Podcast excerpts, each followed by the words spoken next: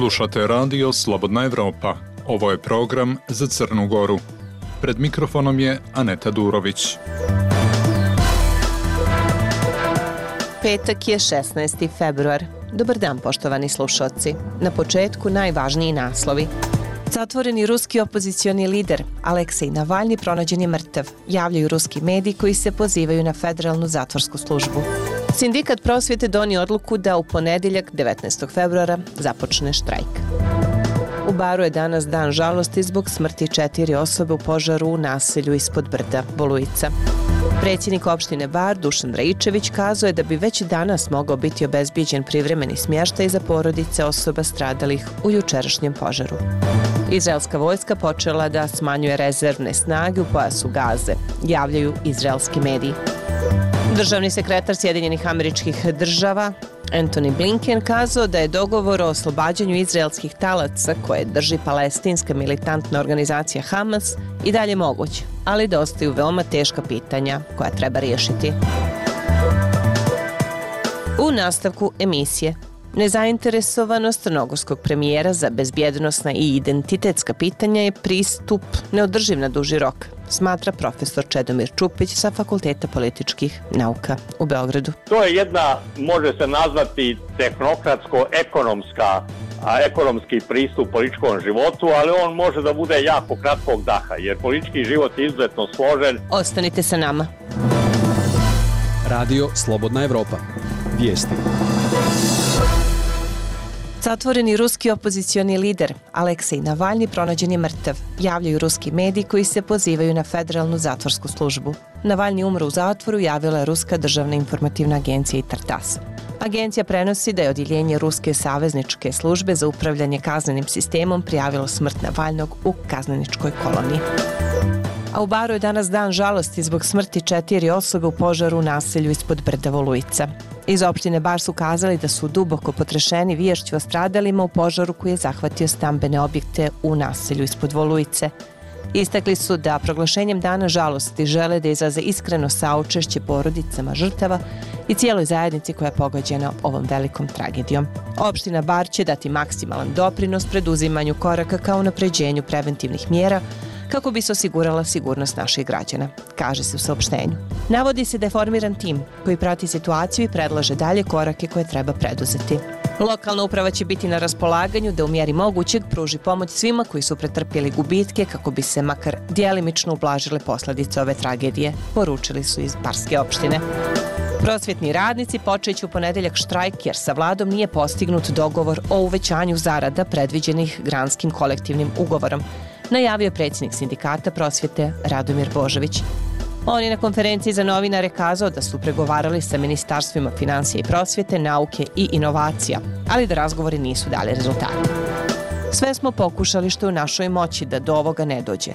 Nismo srećni i zadovoljni što krećemo u štrajk od ponedeljka, kazao je Božović. O ovome više u nastavku. Američki predsjednik Joe Biden u čestitki za 16. godišnjicu proglašenja nezavisnosti Kosova ohrabrio je vođstvo na Kosovu da ispuni sve obaveze iz dijaloga za normalizaciju odnosa sa Srbijom. Zajedno sa drugim zemljama u regiji širom svijeta, SAD ohrabruju vođstvo Kosova da ispuni sve obaveze, uključujući sve dogovore postignute kroz ovaj proces. Naveo je Biden u čestitki upućenoj predsjednici Kosova Vjosi Osmani.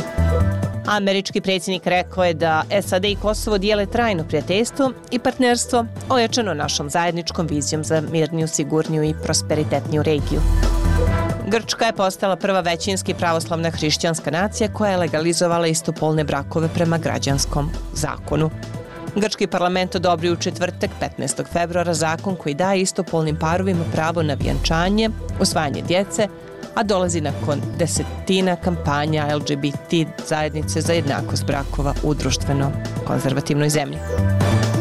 Izraelski vojni radio objavio je da je započelo smanjenje rezervnih snaga u pojasu Gaze, a 646. padobranska brigada napustila je grad Kanjunis. Rezervisti koji su služili vojsci od 7. oktobra biće, kako se navodi, pušteni svojim kućama. Navodi se i da vojska radi na tome da zadrži samo regularne snage unutar pojasa Gaze. Sukobi u pojasu Gaze počeli su 7. oktobra preko graničnim napadom palestinskog Hamasa na Izrael.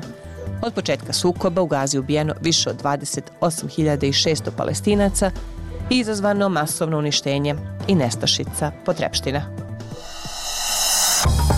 Ovo je program Radija Slobodna Evropa za Crnu Goru. Prosvjetni radnici počeću u ponedeljak štrajk jer se vladom nije postignut dogovor o uvećanju zarada predviđenih granskim kolektivnim ugovorom. Najavio je predsjednik sindikata prosvjete Radomir Božević. On je na konferenciji za novinare kazao da su pregovarali sa ministarstvima financija i prosvjete, nauke i inovacija, ali da razgovori nisu dali rezultate. Znate da da smo odluku da nam neće biti uvećane zarade saznali putem medija. Dakle, nikakav pisani trag mi od Ministarstva prosvete nismo dobili kada je budžet usvajan. Dakle, za budžet smo saznali iz medija. Znate da da smo organizovali protest pred Novu godinu s ciljem da da ubijedimo poslanike, da amandmanski podrže, podrže uvećanje zarada od, od 10% za prosvetne radnike. Ništa od toga dalo nije rezultate. Još tada smo najavili mogućnost mogućnost štrajka. Prethodnih deset dana nikakav pisani odgovor nismo dobili od Ministarstva financija. Evo da vas obavijestim da smo mi neposredno pred ovu konferenciju za medije bili u Ministarstvu prosvete. Jutros nije bila prisutna ministarka koja nije u, u zemlji trenutno, nije bio ni ministar financija prisutan i da su nas e, sekretari iz Ministarstva prosvete obavijestili da nikakav pisani trag ili odgovor nisu dobili od Ministarstva financije u odnosu na našu ponudu. I dalje se državne one priče, 15% neto i treći kvartal. Dakle, jedna vrlo neodređena priča koja je vrlo maglovita i jednostavno nije konkretna. U ovom trenutku mi u prosveti stupamo u štrajk od ponedeljka 19. februara. Trenutno mogu da vam kažem da, da ovo nije borba za neko dodatno uvećanje zarada prosvetnim radnicima. Ovo je dakle dogovoreno još 2022. godine. Dakle, ovo je borba praktično za odbranu prava, pravde i dostojanstva prosvetnih radnika. Ne možemo i ne smijemo da dozvolimo kao društvo da se jedan granski kolektivni ugovor eh, koji ima rang zakona što se tiče zarada i ostalih prava za prosvetne radnike jednostavno stavi pod noge, da se baci bez riječi najave, bez riječi obrazloženja. Vi dalje nemate u školama nikakav pisani dokument direktorima iz Ministarstva prosvete koji im kažu ili upućuju ili objašnjavaju ili, ili, ili daju smjernice zašto se zarade nisu uvećale za januar mjesec 24. godine onako kako je granski kolektivni ugovor propisao. Bio je to predsjednik sindikata prosvete Radomir Božović. Crnogorski premijer Milojko Spajić uveo je u političku praksu manir da za aktuelna pitanja kaže da ga ne interesuju. Spajića tako ne interesuju dešavanja koja potresaju bezbjednostni sektor, ali ni poštovanje državnih simbola. Šta o pristupu 36-godišnjeg crnogorskog premijera kaže profesor Fakulteta političkih nauka u Beogradu Čedomir Čupić, slušamo u prilogu Miloša Rudovića. Crnogorski premijer Milojko Spajić poručuje da ga ne interesuju dešavanja koja potresaju bezbjednosti sektor, a koja su rezultirala sa više tužilačkih istraga. Isti odgovor bio i na pitanje ko će biti na čelu Agencije za nacionalnu bezbjednost, iako je to postavljenje direktno njegova ingerencija. Premijera ne interesuju ni identitetska pitanja, koja decenijama dijele crnogorsko društvo.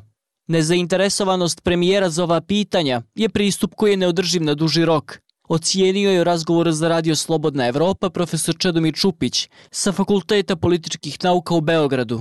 To je jedna, može se nazvati tehnokratsko-ekonomska a ekonomski pristup političkom životu, ali on može da bude jako kratkog daha, jer politički život je izuzetno složen i naravno stvar ne mogu, ne mogu se ignorisati ni bezbednostne službe koje su vrlo značajne za funkcionisanje ovaj države, na kraju krajeva za vladavinu prava. Nema vladavine prava bez ozbiljnih bezbednostnih službi i naravno stvar njihovih žestokog njihovog nadzora i kontrola da se ne bi otrgnule i onda radile ili po nečijem nalogu ili same se otrgnule pa onda jednostavno na razne načine ucenjivale e, sve one za koje smatraju da im smetaju. Znači to je na duži rok neodrživo. Možda trenutno u situaciji u kojoj se nalazi Crna Gora to može da se prihvati od građana, posebno ako se E, pokazuju rezultati u povećanju, na primjer, zarada, zatim e, penzija i tako dalje, pošto su ljudi dosta opterećeni sa svojim egzistencijalnim problemima i to može da ima jednog momenta uspeha, ali Ako vi ovo ispustite, to da se vrati na drugi način, što ćete onda izgubiti vladavinu prava, izgubit ćete pravdu, izgubit ćete mnoge druge stvari koje su bitne za funkcionisanje političkog života. Za aferu oko isticanja srpske trobojke u kabinetu predsjednika Crnogorske skupštine, a čime se također bavi tužilaštvo, crnogorski premijer je rekao da nema vremena ni mentalnog kapaciteta da se bavi identitetskim stvarima. Spajić smatra da će preko ekonomskih uspjeha, infrastrukture i puteva takve teme skrenuti u drugi plan, kaže profesor Čupić, koji upozorava na posljedice takvog ponašanja. Taj drugi plan znači ugrožavanje vladavine prava vi morate imati, ja nemam ništa protiv toga da se bilo koja zastava ističe pored državne zastave, ali to mora da stoji u zakonu, znači morate ozakoniti. A ako to ne postoji u zakonu, to je zloupotreba, to je, znači, neko jednostavno dovodi u pitanje e, i zvanični zakon, Ustav Crne Gore, zakon, na primjer, o e, simbolima i tako dalje. Znači, to se ne sme tolerisati. To je vrlo opasno, jer vi ne znate gde to može da ode i na koju stranu. Prema tome, to nije praksa e, zemlje koja treba da uđe u Europsku uniju. Bio je to profesor Čedomir Čupić. Za Radio Slobodna Evropa, Miloš Rudović. Ovo je program Radija Slobodna Evropa za Crnu Goru.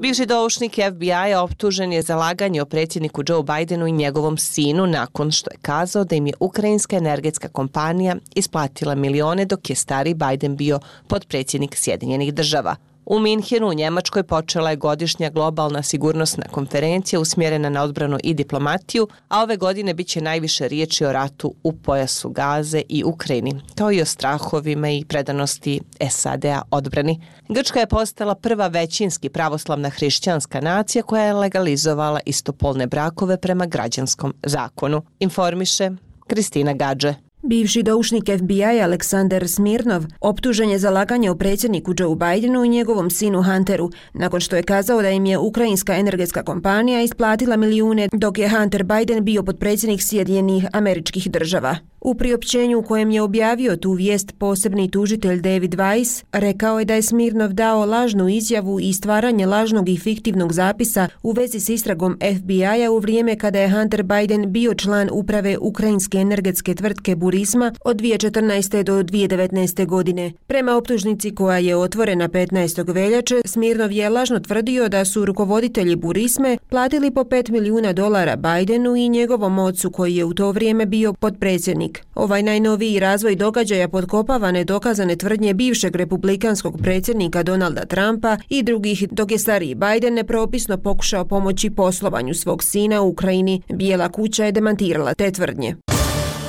Vodeći političari, vojni časnici i diplomati iz cijelog svijeta okupili su se u njemačkom gradu Minhenu na godišnjoj sigurnosnoj konferenciji kojom će dominirati tema rata u pojasu Gaze i Ukrajini, ali i strahovi o predanosti SAD-a, obrani saveznika. Očekuje se da će izraelski predsjednik Isaac Herzog i palestinski premijer Mohamed Šteja također prisustovati konferenciji koja traje do 18. veljače. Konferencija se održava u trenutku kada rat u pojasu Gaze između Izraela i palestinskih palestinske militantne grupe Hamas, koji su Sjedinjene američke države i Europska unija označili terorističkom, u kojem je ubijeno više od 28 tisuća palestinaca i oko 1430 izraelaca, ulazi u peti mjesec bez kraja. Također se događa malo prije nego što ruska invazija Ukrajine u punom opsegu uđe u treću godinu. Grčka je postala prva većinski pravoslavna kršćanska nacija koja je legalizirala istospolne brakove prema građanskom zakonu. Grčki parlament odobrio je 15. veljače zakon koji daje istospolnim parovima pravo na vjenčanje i posvajanje djece, a dolazi nakon desetljeća kampanje LGBT zajednice za jednakost brakova u ovoj društveno-konzervativnoj zemlji. Zakon je odobrilo 176 zastupnika u parlamentu od 300 mjesta i postaće službeno važeći kada bude objavljen u službenom glasniku vlade. Iako su članovi stranke desnog centra Nove demokracije, premijera Kirijakosa Mitsotakisa bili suzdržani ili su glasali protiv prijedloga zakona, dobio je dovoljnu potporu ljevičarske oporbe u rijetkom prikazu međustranačkog jedinstva unatoč napetoj raspravi.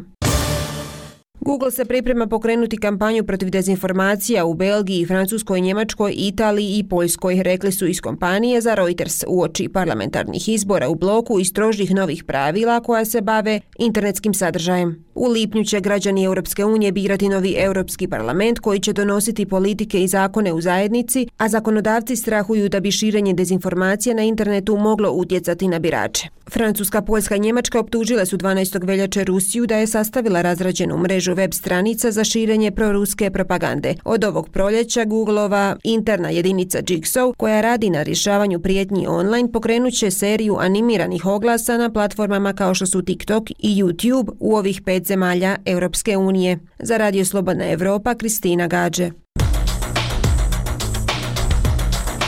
I istok i zapad. Evropska unija i Sjedinjene američke države sa jedne, Rusija i Kina sa druge strane. Nabavka na oružanja od 2016. verno slikava zvaničnu politiku Srbije.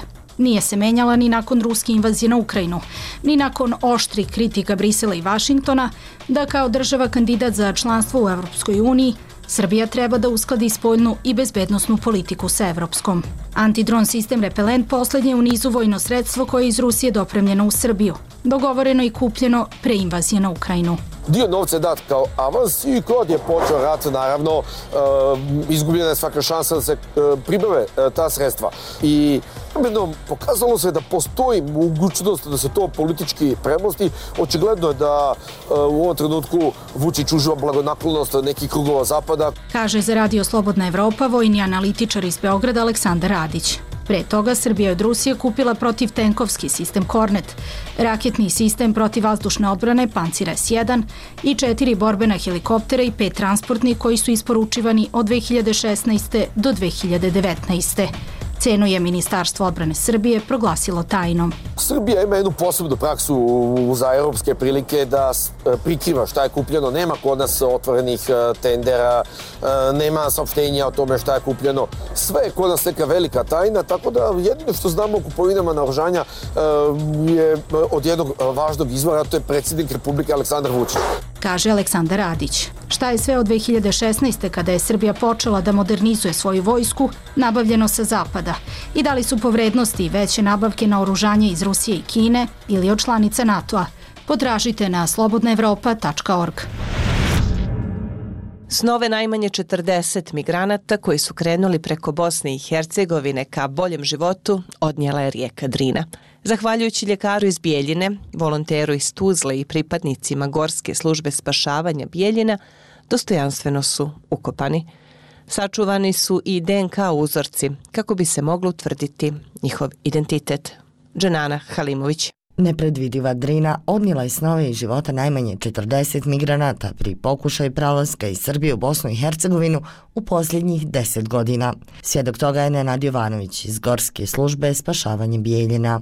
Rekao bi čovjek da je to, da je dijete može pregaziti, ali e, vjerujte da i iskusni plivači mogu da imaju problem pogotovo ljudi koji se susreću s tom rijekom možda prvi, drugi, treći put u životu, oni prelaze pod okrinjem noći, to je još jedan od faktora koji vjerovatno utiče na to da, da ljudi izgube život, jer evo, kao što vidite i ovdje mi, mi možemo da vidimo sad dno i to bi rekao čovjek sve do koljena i odjednom upadnete u rupu od nekih 5-6 metara koje, gdje vas uhvate i virovi brzaci. U timu koji nastradale migrante izvlači iz Drine i Safet Merbegović. Uglavnom su to lica koja dolaze iz nekih područja gdje je rat, moji neki vršnjaci.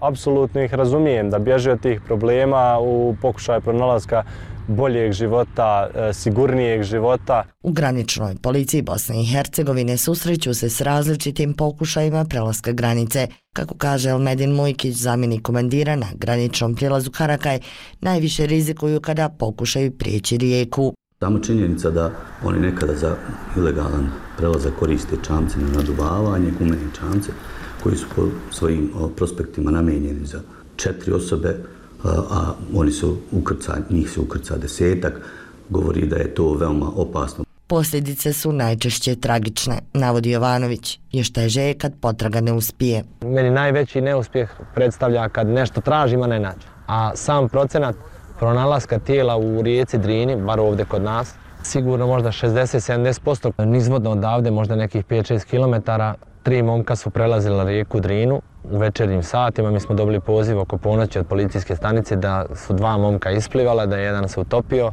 Jedan preživjeli je brat od tog koji se utopio. Mi smo vršili potrag odmah ujutru smo krenuli u 6 sati, smo bili na vodi i narednih dana smo pokušavali da pronađemo to tijelo. Nažalost nismo uspjeli u tome. One koje pronađu, mahom bez dokumenata, sahranjuju širom podrinja kao emen osobe.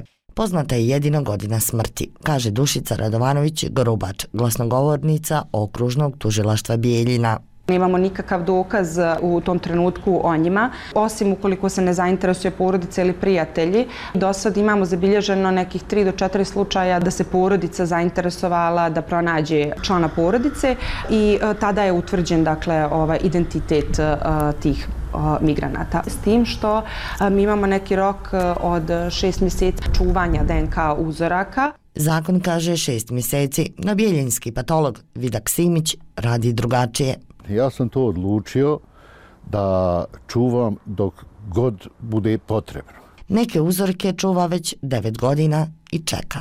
Prošle nedelje je tu bio pretpostavljeni otac migranta koji se utopio u Drini i strpljivo je čekao da mu dam uzorak, jedan koštani uzorak da nosi odmah na DNA analizu. E, ne mogu vam opisati taj osjećaj, moj osjećaj, kako se otac ponašao. Izgubio je sina. Toliko se dostojanstveno i zahvalnički, zahvalno se ponašao da, da, da sam ja bio pogubljen.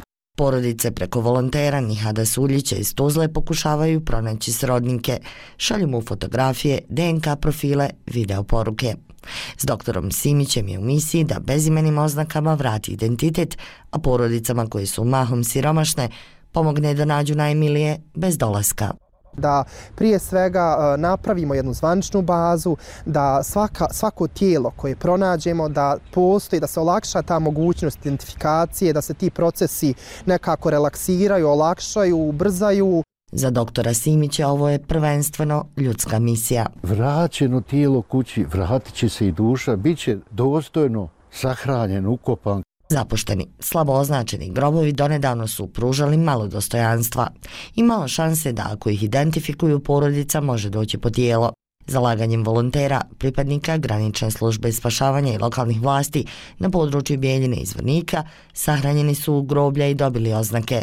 Neoznačena groblja učiniti vidljivim je i Suljićeva misija. Bilo mi je bitno da eto taj grob bude omeđen, da ne propada, da se zna pa doći će za 30, za 50 godina možda neko ko će nekoga tražiti. Da se ne hoda po njemu, da se ne gazi, da se barem odnosi s nekim poštovanjem. Prema podacima Međunarodne organizacije za migracije na ruti preko Zapadnog Balkana, od 2014. godine nestalo je 360 migranata. Vjeruje se da ih se trećina utopila. Za radio Slobodna Evropa i Sarajeva, Dženana Halimović. David Kanin, profesor evropskih studija na Univerzitetu Johns Hopkins u SAD-u, kaže da postupci kosovskog premijera Albina Kurtija pomažu Srbiji.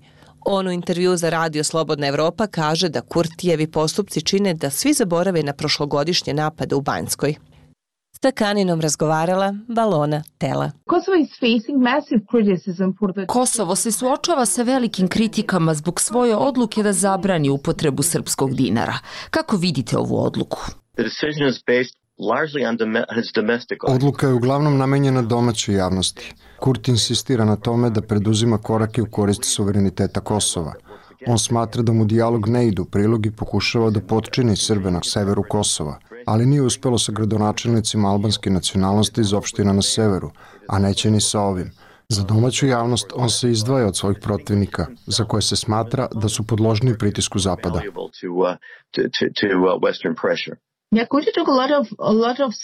Kurt je preduzeo mnoge korake bez podrške saveznika. Zašto? To ima veze sa unutrašnjom politikom. Ono se razlikuje od svojih protivnika. Delimično je i ljut jer smatra da Zapad deluje protiv interesa Kosova, sa takozvanim dijalogom koji vode Evropljani, sa francusko-nemačkim planom koji smo zaboravili, jer Amerikanci i Evropljani nisu uspeli da postignu njegovu implementaciju. Dakle, ovo se poklapa sa Kurtijevim gnevom na ono što on veruje da je pogrešna međunarodna politika.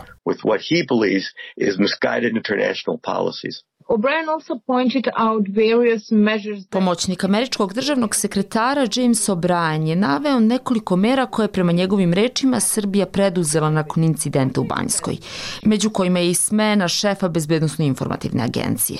Kako to tumačite? Mislim da predsjednik Srbije Aleksandar Vučić nije zadovoljan onim što se desilo u Banjskoj.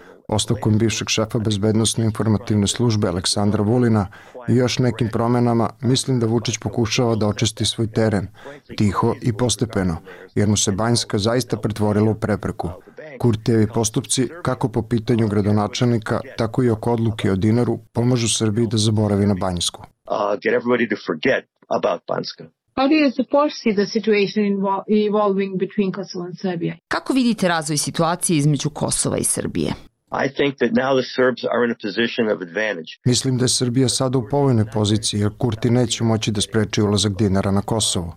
Kurti pokušava da ubedi komercijalne banke da mu pomognu da naprave nekakav dogovor po kome dinari neće ulaziti ili će se na neki način kontrolisati. Ali bit će mu teško da ubedi banke da ga podrže, kao i da ima više saradnje sa finanskim institucijama, jer je jasno da su zapadne vlade protiv toga. Srbi će neformalno moći da primaju dinare na Kosovu, šta god Kurti uradio. Dakle, bit će velikih problema u sprovođenju ove odluke. Čuli ste profesora Davida Kanina u razgovoru sa našom Valonom Telom. Širom svijeta 15. februar obilježava se kao dan djece oboljale od raka. Cilj je da se osnaži svijet o problemima sa kojima se suočavaju djece i adolescenti oboljeli od raka, a ujedno se naglašava potreba za adekvatnim i ravnopravnim pristupom liječenju i njezi za svu djecu oboljelu od ove bolesti. Više u prilogu Azre Bajrić. Merisa Čaušević je imala pet i po godina kada joj je ustanovljen karcinom štitne žlijezde. Danas ima 11 godina i dijagnozu još jednog karcinoma. Štitnu smo strali, onda je krenula tumor na mozgu, pa je onda fino krenulo, pa sam imala drugu operaciju, pa su radili pumpicu, pa je onda drugu valvulu, sad te valvule oba dve rade, ali nama je problem kad smo stranili štitnu, meni je kalci počeo padat, ali dobro, sada smo to smirili. Bili smo u Turskoj, ostranili smo tumor, pa smo bili dva mjeseca na radioterapijama.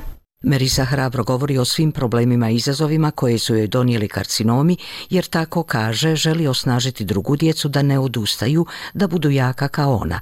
Dosta snage treba i njenim roditeljima, jer se nisu borili samo protiv bolesti, već i sistema koji u Bosni i Hercegovini ne nudi mnogo opcija u boljeloj djeci. Majka Suada se prisjeća momenta kada je Merisa trebala na operaciju u Tursku. Mi smo bilo odustali znači, od operacije, 21.000 eura je bila samo operacija. I onda naša učiteljica Enesa Miskić, cijeli kolektiv osnovne škole Liskovac, kažu da mi nećemo ići sami, kroz to pokreću apel, gdje mi nismo išli toliko ni javno i da smo mi mogli otići na tu operaciju. I onda poslije toga opet dobivamo predračun od 18.000 eura za kemoterapiju i zračenje. Merisa je trenutno suočena sa novim problemima, ponovo treba ljekarima, a mama Suada kaže da ne mogu dobiti ni osiguran prijevoz do 350 km udaljenog Sarajeva. Sad ima opet poslije toga svega, ima fleku na mozgu neku i ima atrofiju mozga od, od zračenja, znači gdje je to oštetilo mozak, gdje je ona dobila ponovno tremor ruku, gdje to joj jako teško pada, pošto u školi e, sporije piše, sporije reagira i to sve. Država kao država bi trebala da od koliko toliko priušti financijski i moralno podršku oboljelim, da se ne ostimo da smo sami u tome. Upravo Međunarodni dan djece oboljele od karcinoma promoviše potrebu boljeg razumijevanja izazova sa kojima se suočavaju djeca i njihove porodice. U Unsko-Sanskom kantonu su danas članice tima Volim život, čiji je Merisa najmlađi član, organizirale prigodnu šetnju u Cazinu, a u Velikoj Kladuši je udruženje Sutraj Novi dan organiziralo akciju doniranja kose za djecu oboljelu od karcinoma. Za Radio Slobodna Evropa, Azra Bajrić.